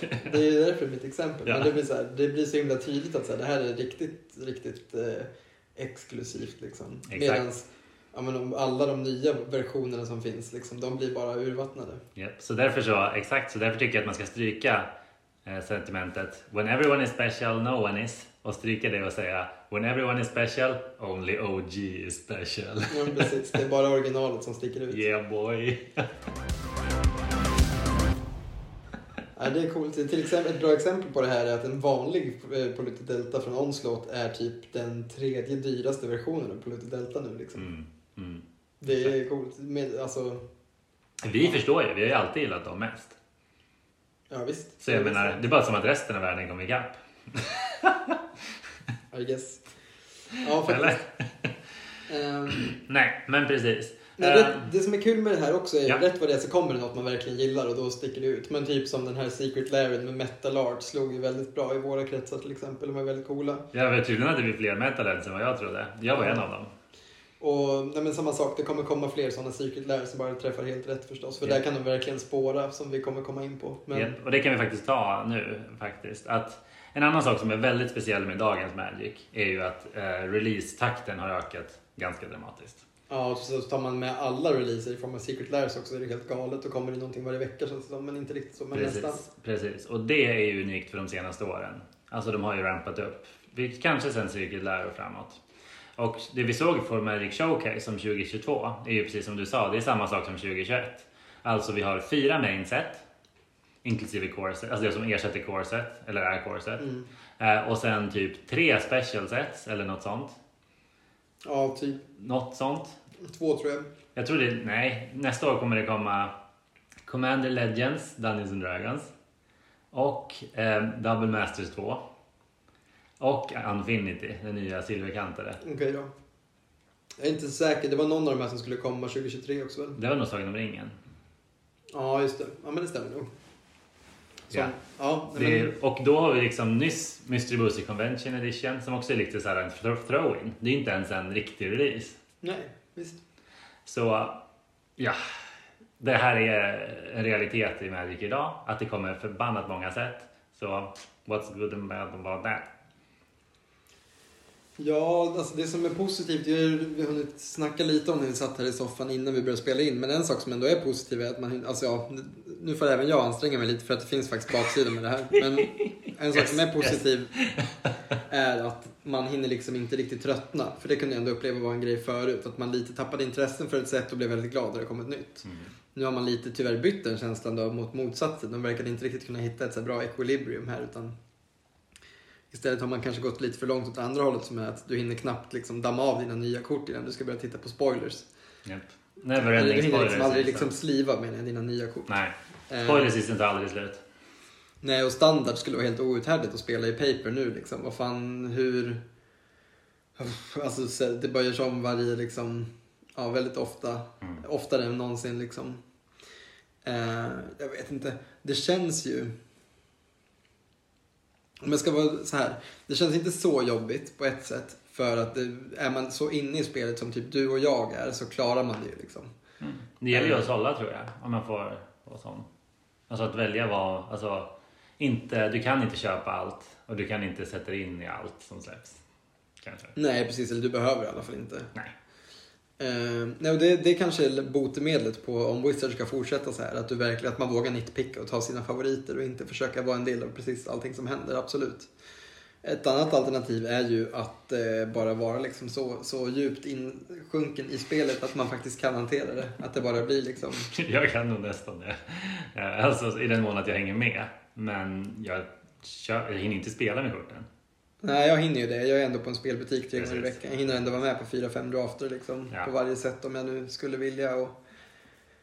Ja, alltså ur det perspektivet tror jag det är ganska lagom. Ur typ en limited-spelares perspektiv är det här ganska sweet. Du hinner liksom köra fyra, fem grejer, inte bli helt bekväm Mm. och sen ska du försöka igen liksom. Och spelar du Arena så hinner du köra hur många du vill. Exakt. Så jag vet inte, det, det är svårt att säga. Det är intensivt. Det är jobbigt på ett sätt att eh, de här extra sätten kommer också för då blir det kanske lite mäktigt. Mm. Eh, om det nu som nästa år med typ, ja men i år skulle jag ändå säga det har varit sju releaser i år. Stora releaser. Ja, efter Innistrad. Nej, åtta kommer det ha varit totalt då. För du kommer ha haft, ska vi se om jag kan få det här rätt, men du kommer ha haft Kaldheim, du kommer ha haft eh, Strixhaven. Strixhaven, du kommer ha haft eh, Adventure in Forgotten Realms, du kommer ha två Innistrad-releaser. Modern Horizon 2. kommer Modern Horizons 2, Mystery Boost Convention Edition. Det kanske är allt. Vad är det, sju? Mm. Ni får gärna fylla i här om vi har missat något, men av de stora releaserna är nog det allt. Liksom. När kom Zendika Rising? Det var det innan. Ja, förra hösten. Just det. Det var liksom det sättet som roterade ut den Just förra det. standarden. Just det. Så var det. Ja, mycket i alla fall. Det är mycket. Det är väldigt mycket. Mer än vad vi brukar. Förr i tiden hade vi tre plus ett core set. Japp. Och inga mellanset som hade någon inverkan Ofta på... hade man dock ett crazy set per år. Mm, Det hade ingenting med Constructor att göra förutom Legacy. Exakt. Du hade typ såhär Plane Chase, eh, Conspiracy, Commander och så. Sure. så. Och inte nog, jag kan också flika in ytterligare en grej. Allt det här vi har nämnt stämmer ju. Men vi har också Commander-lekar som släpps samtidigt som grejer. Det gjorde det Ja, inte förr. två till fyra per set. Japp, det gjorde det inte förut. Det var Commander set en gång per år. Ja. Och innan det aldrig såklart. Men alltså, Men så jag här. tycker, ja, jag tycker den viktigaste sakerna innan man börjar klaga är ju att komma ihåg det som vi sa i början av det här avsnittet. Kvaliteten är ju hög. Absolut. Alltså det är ju inga skräpprodukter de spottar ur sig. På något sätt lyckas de ju hålla en alltså, väldesignade kort, originella designer. Eh, liksom ing, arten har inte tappat någonting. De gör specialversioner av allting. Alltså det är, så här, det är snygga, det är väldesignade, coola grejer. Liksom. Så det är ju väldigt nice. Vilket dock också då paradoxalt gör ju att det blir ännu tråkigare när de faller i glömska. Som till exempel Kaldheim. Ja, men verkligen. Ett toppensätt liksom, på många sätt. Eller sätt, sätt. Ja, svenskan är begränsat språk. Men då blir det så trist när man bara, det här är ascoolt. Det här är vikingasättet det vi har pratat om. Du Mm. hypade det i podden. Ja, Och sen verkligen. kom det förbi som att man hann knappt blinka. Ja, precis. Men det är kanske svårt att skylla på något annat än pandemin Ja. egentligen. De kan inte sluta släppa set bara för att det är en pandemi, men... Nej, nej, visst. Men du fattar vad jag menar? Att det känns som att när de gör så bra grejer, men vi får inte tid att njuta av dem. Nej, så skulle det kunna vara. Det blir kanske mer kännbart för dig då, som inte är en del av ett liksom, paper community på samma sätt som jag är. Att, man, att det faller liksom genom ännu mer. Men Visst. Men jag köper det du säger. Jag tror att det finns kanske mycket mer att säga om det också egentligen. Men man skulle kunna landa på något sätt i att den här höga takten är... Ja, men den kommer kanske ändå... Antingen kommer man vänja sig antar jag. Eller så kommer den behöva ändras på något sätt. Mm. Eh, Men just nu känns det lite tufft på något sätt. Det känns ändå som att det är svårt. Jag, jag pratade med Nick om det här, en av ja, kollegorna på butiken. att Filosofin runt hur man köper in Magic som en liten och fysisk spelbutik, vi har ingen e-handel, eh, tror det eller ej. Eh, är ju att vi måste börja köpa in mindre av varje sätt. Liksom. Mm. Inte bara för att det har varit pandemi utan man inser också att på grund av den höga releasetakten för att folk kan inte köpa så mycket som man gjorde kanske när vi öppnade och vi hade War of the Spark och liksom, saker var kanske mer i någon slags transition era mellan gamla och nya. Mm. Då kunde vi ändå köpa in typ så här 48 ja, massor liksom av, av allt möjligt. Eh, nu höll jag på, är bra på siffror, det betyder förstås ingenting för er som lyssnar och inte har en spelbutik. Men vi kunde köpa in mycket, väldigt hög volym. Nu Ja. köper vi liksom in fjärdedelar av det vi gjorde till det sättet. Ja. Men vi köper ändå in totalt lika mycket Magic-produkter eller mer Ja. än vad vi har gjort förut. Men det är för att det finns olika sorts displayer nu, det finns olika, så kommer många fler releaser. Ja. Visst. det är väldigt spännande Och sen också. de här, och de här produkterna som är jättesvåra att bedöma hur populära de är. Som till exempel vet. Ja, hur mycket Alltså, köper man in av det? Ja, hur, hur mycket ska ni köpa in av det? Liksom? Hur många vill drafta silverkantat? Vi vill ju det. Det är askul. Men hur många, hur många fler liksom? Mm. Alltså, Nej, det blir väldigt spännande. Det kommer bli ett spännande år. Jag är mestadels taggad förstås. Men... Oh ja, oh ja. Nej men jag också för att jag litar på kvaliteten. Men jag Nej, blir men också här, här får man nog ändå någonstans landa i att de pushar gränsen. Och vi får, vi får se hur det utvecklar sig. Nästa år kommer bli likadant som det här. Så där, där, får vi, där vet vi redan nu att det inte blir lugnare. Ja. Och jag har också väldigt svårt hur de ska kunna sänka takten för då kommer folk bli lika besvikna som de är arga nu på att det går fort. Ja. Det kommer, folk, kommer det som är roligt att jag kan verkligen se framför mig att de släpper releasetakten och bara, är det här allt vi får i år? Förra året fick vi åtta produkter, idag år får vi bara sex. Jävla snåla jävlar, ni drar ner på designen. Exakt, det är från... erkänn, eh, erkänn. Samma sak om de skulle Ja, ta visst. bort typ alt arts. Folk bara, va? Bara en sorts special? Ja, I ett normalt sätt fick vi fyra. just det. Det där är som i, eh, vad heter det, första Harry Potter. Den här referensen tar kanske inte du tar. Men då säger ju han den bortskämda snorungen Dudley. Han bara 36 presents. Last year I got 37. Exakt. ja, det kommer jag väldigt väl ihåg. Ja, fy fan. Nej men så det där är ju väldigt, jag har svårt att se att de sänker takten för om man tänker generellt, jag vet inte om vi har pratat om det här förut, jag vet att du och jag, men i podden, Ja, att eh, det är ju verkligen ett sätt att sälja, att hela tiden ha något nytt ute är ju ett bra sätt för att sälja för att det är den bästa marknadsföringen de har, nytt. mm. Det är svårt för dem att sälja någonting som varit ute på marknaden i två månader. Men det att hela tiden bara ha så här känslan av det här nya heta som alla måste ha. Mm. Att se till att den känslan kommer så ofta som möjligt. Ja. Säljer väldigt mycket produkter. Ja. Alltså de säljer ju sällan så mycket som de gör under en pre-release. nej. Eller vi gör inte det i alla fall. Exakt. Nej, du har helt rätt. Nej, men verkligen. Ett annat exempel jag bara kan inte låta bli att nämna om så här, hur man känner av att det går för fort. Det är ju alla Commander-produkter och alla legender som kommer. Alltså jag, varje gång man ser en ny legend så, så börjar ju hjärnan sätta igång så här, bygga lek, bygga lek. Men sen så bara, för mig i alla fall, nästan alltid, så bara tynar det bort. Man bara, alltså hur, hur ska jag ha tid? Och varför just den? Varför inte den? Alltså det finns så jäkla många legender, så jäkla många lekar, så jäkla många unika commanderkort i de här lekarna som man inte hinner lägga in i sina lekar. Alltså jag försöker ju fortfarande, ironiskt nog, för jag spelar inte commander ens en femtedel så mycket som ni. Men ändå jag liksom lägger ju in nya kort i mina commanderlekar. Alltså såhär double face-länderna har jag lagt in liksom en massa lekar. Nya manastenar, du vet, nya sådana här bara staples liksom. Mm. Eh, Jag vet att Robert bara, jag orkar inte lägga in nya kort. Och jag bara, va, va, varför inte? Du vet. Man har för många lekar, man spelar för lite, även vi. Ja, precis. Och är inte det lite talande? Jo, Alltså, det tror jag absolut. det är vårt favoritformat liksom, och vissa av de här korten är ju eh, briljanta. Liksom. Ett tydligt exempel, alltså, jag tänkte nämna, jag tror typ jag tänkte lägga ut ett inlägg om det på Instagram för att jag är ju kortet Manascape Refractor. Vet du vilken det är? Nej, Exakt. Eh, Det är ett kort från Ikoria Commander-lekarna. En tre mana mana-sten som kommer in tappad. Och tappad, den har alla activated abilities av alla länder i spel. Men okej, det vet jag. Ja, Absolut. det är ju den roligaste manastenen i hela spelet typ. Har den andra fienderna som... Allting. Fan vad coolt. Det kortet är... All, vi spelar redan en massa tre mana, manastenar, eller hur? Alla lekar spelar det. Mm. Warren Power, Stolen Coalition Relic. Man spelar dem bättre. Absolut. Ja, man spelar dem bättre. Eh, och den här är ju absolut en av de bättre. Ibland tappar den för Gaias Cradle-mana om man nu spelar hög nivå. Och andra gånger så tappar den för att eh, någon Academy Ruins plockar upp en artefakt. Eh, Emazovitt fixar någonting. Du vet, tappar bara någonting. Ja, och. I många fall tappar den åtminstone för två färgade mana från någons Karoland. Eller hur? Ja, men absolut. Alltså den är svinbra och den är jätterolig. Eller hur? Alltså det är bara kul. Jag har inte sett den i någon av era lekar. Nej, men det är för att den är väldigt li- limited också. Det finns inte så många. Absolut. Förstår du min poäng? Det var ett svinroligt commanderkort.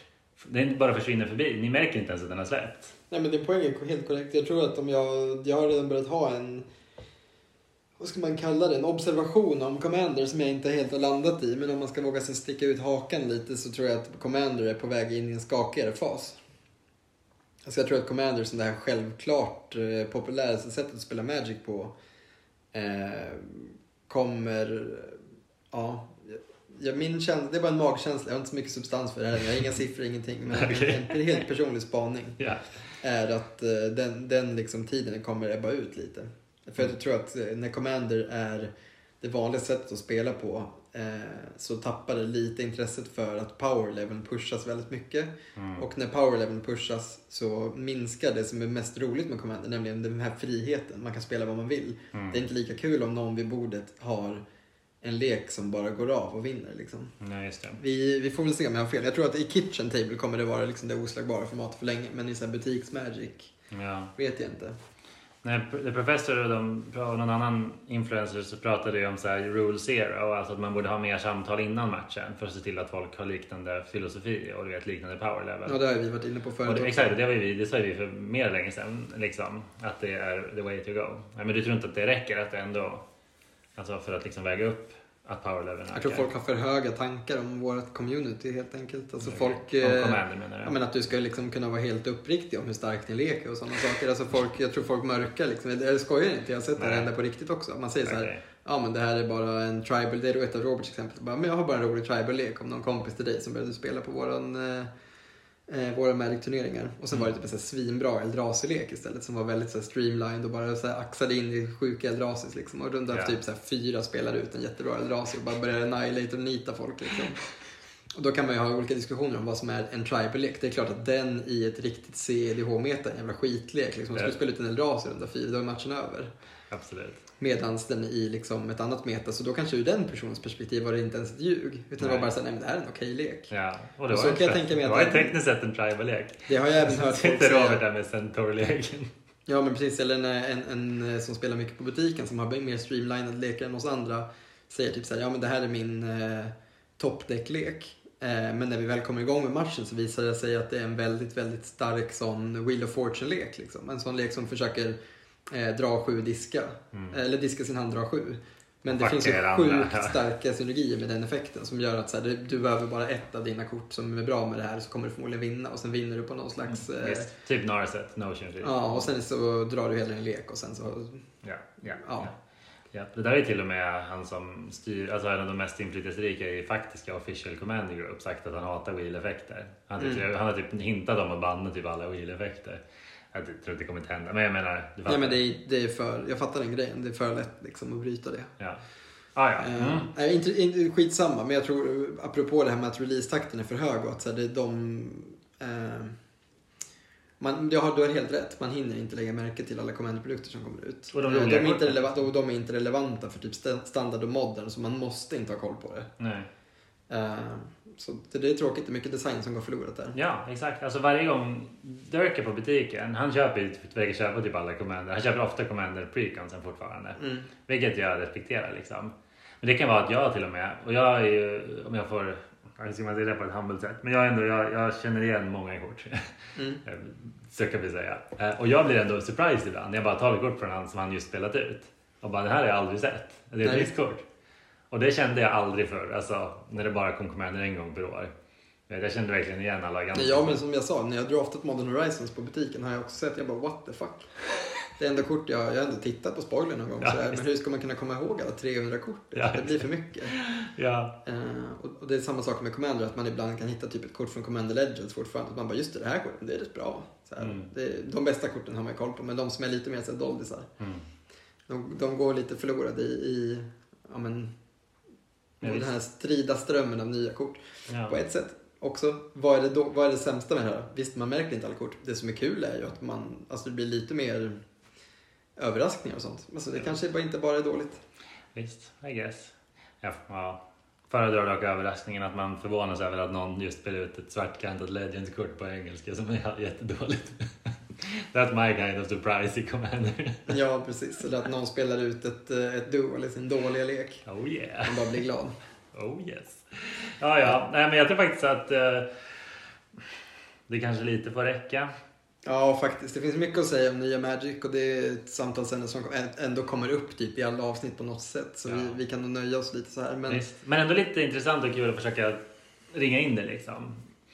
Oh ja, nej, men alltså, jag känner själv, det har varit bara för oss själva att prata om det. man, man får tänka på Ja, det är som du sa från början, det går liksom inte att prata bara positivt om det. Går in, det finns mycket positivt att säga men det finns också mycket som blir någon slags baksida. Absolut. Ja. Det, är, eh, det är sällan så enkelt att någonting är bara bra eller bara dåligt. Nej, visst. Och ja, om man då ska sum- summera det. De, de lite tråkigare sakerna är väl delvis då att så här, ja, li, Det är så too much. ja, lite för mycket. Lite för mycket olika specialdesigner kanske, lite Ja. för mycket olika produkter. Japp. Lite för många releaser. Ja. De här Secret Lair dropsen känns ju Vi väldigt inte, vi knappt nämnt. Vi har knappt nämnt dem. Nej. Fast de är egentligen det mest outrageous av allting. Ja, det är på så här. För det har vi knappt, nej, precis, det har vi knappt nämnt. Men Okej, skulle- vi måste vi måste kanske fastna in lite på det. Det är väldigt intressant. Alltså dels då för att det kringgår liksom Wizards kanske. Alltså de, de verkligen pissar ju på de som bygger hela spelet liksom. De lokala spelbutikerna som gör att det finns någonstans att köpa produkterna, att spela med dem. Att liksom samlas runt det här spelet på ett annat sätt än runt köksbordet. Och ja, alltså Visst att de under pandemin kanske inte har varit lika viktiga då, vad vet jag. Men Secret Lair hade ju kunnat säljas på butiker. Ja. Det hade inte funnits några problem för dem att skeppa ut de här till butikerna. Men de vill ju bara testa att göra print on demand-grejen och bara tälja guld liksom. Japp, ja, just det. Det, det är ju alltså just print, ja, printande, men det är så jäkla bra för de jävlarna. Fan Och alltså. de, de trycker bara dyra kort som folk vill ha. Ja. Visst, de gör det snyggt ofta. Alltså det är coola grejer. Det här nya typ out of time-grejen som de spoilade nu. Skitcoola, så jag ska inte ljuga och säga att jag blev sugen. ja, just det. Den med meme planeswalkers. Ja, och Ja. att de hade liksom den gamla sättet att skriva regler på. What Japp. the fuck? Japp. Ascoolt ju. Ja, det, det är så jäkla... Ja, det, man har sett folk, folk som skojat om det på så här custom-forum. Liksom. Mm. De har, det har jag Mm. sett flera gånger, säkert för, flera år sedan första gången. Det är verkligen att de, de kan bara göra sånt där. Och cirkulär, om man ska säga det mest positiva med cirkulär är att det ger dem en arena att göra grejer som är så crazy. Och som så få är intresserade av. Och det mest negativa med det är att de har en arena där de kan göra saker som är så crazy och som så få är intresserade av. För problemet är ju att alla tittar på det. Ja. Oavsett om de är intresserade av det eller inte. Och så kommer de 90% av Magic spelarbas som, inte, som antingen ogillar eller inte är intresserade av Fortnite. Mm. Att se det här och säga Ska det här bli någon jävla Fortnite-grej nu? Magic? Ska man behöva sitta liksom och spela Ja. med Fortnite-kort? Man bara Ja. nej, behöver du inte göra. Nej. Men det spelar ingen roll för att det är ändå en hang-up. Och folk älskar hang-ups. Är det någonting folk älskar så är det att sitta och vara den här personen som gnäller på det som, som alla... Mm. Jag vet inte. En klassisk rant, men du har ju rätt förstås. Ja. Ja, nej men ehm, ja. Så ska du ha den där planeswalkern eller? Alltså grejen är, jag är sugen på att köpa Fortnite-grejen. För att folk är så jävla arga. Så jag vill ju Det verkligen... kommer vara de ultimata trollkorten. Ja, så jag vill se vilka kort det är först förstås. Men är det typ, är det kort som jag faktiskt kan spela med då kommer jag fan köpa skiten. Jag ljuger inte Det ens. Ja, det är bra. Kanske så jag får ett playset av allihopa också. Ja. Om det blir av så kommer ni få se det i en podcast Ah. i en framtid. Ja, vi säger så. Nu har vi inte ens pratat om, att, om Magic Arena, men det har vi pratat om förut. Så screw that. Nej, och det, vi, alltså, ärligt talat, det är mycket vi inte har pratat om. Ja. Men det går inte. Det är ett begränsat format, vår podcast. Ja, exakt. Men ja, också någonting unikt nu för tiden. Arena. Ja, lyssna, Föränd- på, lyssna på avsnittet om Arena. För att inte nämna, vi har inte pratat om förändringar som kommer inom pro-scenen heller. Det kommer vara en förändring som inte kommer märkas av på kort sikt, men förstås på lång sikt. Alltså hur, hur proffs-magic funkar. Det är någonting Ja. som har funkat likadant sedan 90-talet. Och Ja. nu ska det ändras. Det känns kanske som en liten förändring för att det påverkar en så liten del av spelet, men det är klart att det är en stor förändring. Ja, verkligen. Som kommer vara någonting som är nya Magic. Ja, kommer finnas kvar en proffsscen, men den kommer inte se likadan ut. nej. Nej, du har rätt. Ja, nej men vi får återkomma till delar av det här helt enkelt. Det verkar som det. Så är det. Efter en extensiv kundundersökning från den första säsongen av vår podcast så har vi fått reda på att 10 av 10 barn som fötts eh, under podcastens existens föddes på grund av segmentet det heta och eh, känsloupprörande segmentet Show and Tell. Ja, Så om ni vill förbli eller bara vill vara barnlösa eller inte ha fler barn så rekommenderar vi att ni stänger av nu. ja. You heard him. Absolut. Uh, and you all know what that means. Exakt. Tar ni den referensen för övrigt? Inte jag. Ja, Det är Maro säger i sin podcast I'm pulling up my driveway and you all know what that means. Jaha, shit, nej det var smalt. Ja, det är den största Magic-podden i och för sig antar jag. Ja, kanske. Eh, men you all know what that means och det är att det är dags för show and tell, vårt mycket populära segment. Ja, Ja, eh, så och du sa väl i början vad du skulle ta upp? jag sa vad jag skulle ta upp men jag sa inte vad det hette för jag Nej. hade inte koll. Jag bara kom ihåg att det var någonting när jag häromdagen öppnade eh, Modern Horizons 2 åt vår butik då för att sätta in i våra pärmar. Ja, ni rippade och lägger in i butik? Precis, passa på och sväng förbi Spelfaktoriet om ni är sugna på lite schyssta singles. Köp fetch. Ja, bland annat våra, bland annat våra fetchar då. Buy all the fetch. öppnade jag ett kort som jag hade missat helt i spoilern. Det är ett ganska oansenligt kort. Jag har inte sett några större, vad ska man säga? Svallvågor. Svallvågor. Eh, vad det gör är inte så relevant. Alltså vad den gör är att när den kommer in i spel ska du inprinta och exila ett creature card från en grav. Och sen då kan du typ crewa med den kan man säga. Den är, den är ett vehicle.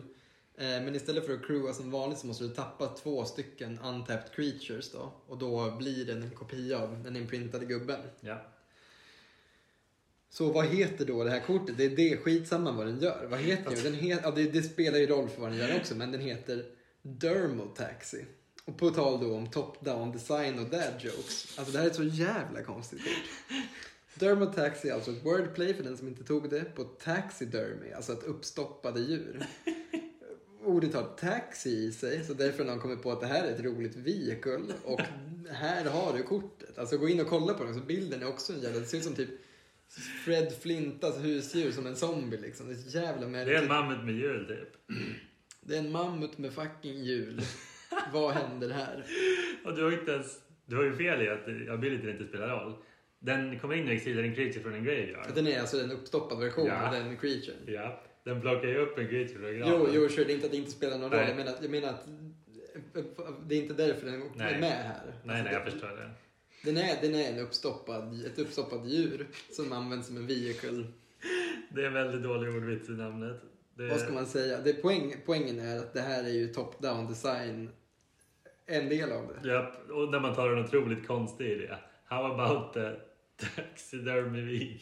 Man undrar hur det här har gått igenom. Liksom. Och att det inte är silverborder. Men det är för att de, i Modern Horizons kan de göra vad de vill. Det har liksom Det ingen, det, det ingen eh, inverkan på storyn. ja, japp. Så är en krokodil på bilen va? Det finns ju annan cool top-down design i Modern Horizons 2. Typ eh, Kaldra Complete eller Complete, eller vad man vill kalla visst. Den är ju väldigt cool för det är liksom... Menar du att den här inte är cool? Det är klart den är cool men, men den är ju skitcool med så här Kaldra kombots. vet. Phyrexian eh, kommer till Mirrodin. De hittar lite coola artifacts och sätter lite germs i dem. Japp, Någon nyser på Kaldra, Kaldra kombon. japp. Japp, där har du. Eh, apropå Mirrodin, Mm. eh, faktiskt. Eh, av två anledningar så kommer jag eh, att börja tänka på, och där tänkte jag ta minst show and tell, på ett riktigt ökänt kort. Eh, och det är ju Wormcoil Engine. Ett bra target för Dermotaxi. Ja, indeed. Verkligen. Eh, och det är delvis för att jag såg en rolig meme om den på Reddit. Eh, men också för att den kommer just som en av promorna eh, till butiker. Just det. Man kommer kunna få en foilad, tror jag, eh, Wormcoil Engine som, om vi har fattat rätt, kommer ha butikens namn stämplat på sig. Det, det sa de i alla fall. Vi får se hur det går. Verkligen. Spexig grej. Någon slags promo som vi ska kunna ha på turneringar liksom. Ja. Eh, Men jag, anledningen till att jag tog upp det är för att eh, det är mer än tio år sedan Wormcoil Engine kom. Eh, det bara slog mig. Och den är fortfarande så jävla bra. Alltså det finns typ inget bättre du kan göra för sex colorless mana om du bara vill slåss och vinna och vända matchen. Inte creature i alla fall. Och det är ju fan imponerande. Alltså all den här power creepen som har varit. Alltså du vet OK, alla adventure-korten, eh, allt som hände i Modern Horizons, eller hur? Va? På två Modern Horizons ett. Folk har bara pratat om power level, power level är för högt liksom. Men alltså när det kom, om du ska pröjsa sex mana färglösa alltså. för att lägga en creature som vänder matchen. Du kan fortfarande inte toppa Wormcoil. Det är bara galet. Jag vet inte, är inte Worm, en av stor, Wormcoils stora behåll att den är colorless så du kan hämta den med Current Great Creator? Den hade inte sett jättemycket spel i modden längre om det inte vore därför. Det stämmer nog. Det stämmer. Möjligtvis att man hade spelat den i Tron ändå, liksom i mainboard så, men Eller i det, gör, det gör sideboard. man ju. Mm. Eller i sideboard för att den har lifelink liksom. Ja, bra. Men, men eh, Och den är fortfarande värd typ 200 spänn. det är stabilt. Men det är för att det också jävla bra EDH-kort också. Ja. Men- Alltså den är så bra så att jag har den ju inte i min kub. Alltså för jag tycker den är bra på ett tråkigt sätt. Ja, den går in i alla lekar liksom. Nästan ja. Ja exakt. Alltså då är det roligare liksom att ja, men åtminstone måste vara on-cover när man ska picka ett brutet sexdrap. Mm. Jag vet. Och jag bara så här, ja, min, enda, min stora poäng är väl typ så här, hatten av alltså till det här jävla kortet. Alltså. Jag minns också, minns du hur mycket vi rantade om den för t- äh, 11 år Nej, den var sedan? ny. Den var Ja. hemsk. Vi blev krossade av den i en eh, sil. Fast sen så lyckades vi ändå vinna med en jävla Exanguinate. Det var fint. Du kommer ihåg det? Ja, Mycket nice. väl. Vi höll på att tog-torska mot en riktigt så här bombig eh, sealpool i en Two the Giant eh, seal. Ja, Men det fanns ett uncommon som var lite bättre än de tre rare, mythic raresen som vi faceade ner. Just det. Det var Exanguinate. Mycket fint. Good times. Väldigt bra i Two-headed. väldigt, väldigt bra i two-headed. Bara Ja. Traina motståndarna på 16. Ja. Nej men det är bara... Wormcoil Engine är verkligen ett kort som jag har så mycket hatkärlek för. Å ena sidan på tok för bra, alltså extremt powerful på ett sätt som jag så här bara får vissa andra kort att kännas som ett skämt. Alltså speciellt för sin tid. Men att den fortfarande håller. Ja, också fortfarande väldigt, väldigt bra. Ja, fortfarande håller. Men också, med det sagt, jävligt cool. Jävligt cool design. Alltså det är en monstermask som blir två. Alltså du vet den grejen. Den ena Mm. Death Touch, den andra har lifelink. Ja, det, är, eh, det är väldigt smart. Det är väldigt metal. Det är väldigt nice. Och på tyska heter den Wurmspiralmaschine. Så jävla fult namn. Så jag, jag säger- tänker att jag bara stannar där och ja, hatten av för den jäveln. Nu har den över tio år har den varit unmatched på sitt sätt. Ska jag lägga in den i kuben någon gång? Vi får se. Men tills dess kommer den fortsätta vända matcher. Men det är ju vackert med de här gamla klassikerna som lever sig vidare. Liksom, mot- som du säger, genom liksom, nya brutna releaser. Kommer, finnas, kommer alltid finnas saker som, som klamrar sig fast i formatet. Kommer de någonsin tycka något sjukare att, att fuska ut en, en hedliga Emrakul liksom? Jag hoppas inte. Och då är ändå World Curl helt klart med på listan över, över gamla brutna saker som kommer fortsätta hända ibland tror jag. Om ett år, om mer än ett år, kanske vi sitter här och säger att ja, de gjorde det. De tryckte något brutare och fuskade ut med Emrakul och det var Sauron. De tryckte Sauron. Nu är här. och då kommer jag... Åh, det, kommer inte, det kommer inte... Jag misstänker att det är inte kommer inte, är kännas du inte bra. taggad på att möta UV Gandalf i modden? Gandalf kontroll. Gandalf kontroll. Tom Bombadil combo. Ja. Kom Bombadil! ja, med de bevingade orden... You heard it here Ja, first. Med de bevingade orden så kanske vi ska avsluta det här avsnittet av På stacken. Eh, som Jag jag, sa... tänkte faktiskt innan vi avslutar Okej, bara förlåt. säga att först cred till er som har tagit igenom det här eh, avsnittet för det inspelat på en, en mobil i ett helt vanligt vardagsrum. Det är ingen studio här inte. Men på tal om studio så har vi snappat upp nu lite kontakt i, Mhm. hemma i kära Eskilstuna. Vi ska försöka börja spela in i Studiefrämjandets nya poddstudio. Så förhoppningsvis är det här det sista, sista avsnittet som, ja, det kommer säkert bli något mer spontant soffavsnitt. Jag har svårt att se att vi aldrig kommer, kommer missa planeringen och sådär. Men väldigt många avsnitt kommer få en ny crisp känsla och det ser vi verkligen fram emot. Mm, verkligen, så ni har god anledning att tuna in igen. Eh, och också förstås för att höra del två av den här, det här dubbelavsnittet. Där vi Ja, ska precis. snacka om eh, det som var nice och mindre nice med hur Magic var förr. Försöka gå emot vår nostalgiska natur, vi får se hur det går. Ja men verkligen, det ser vi fram emot. Så är det. Tack och puss och hej! Tack för att ni har lyssnat.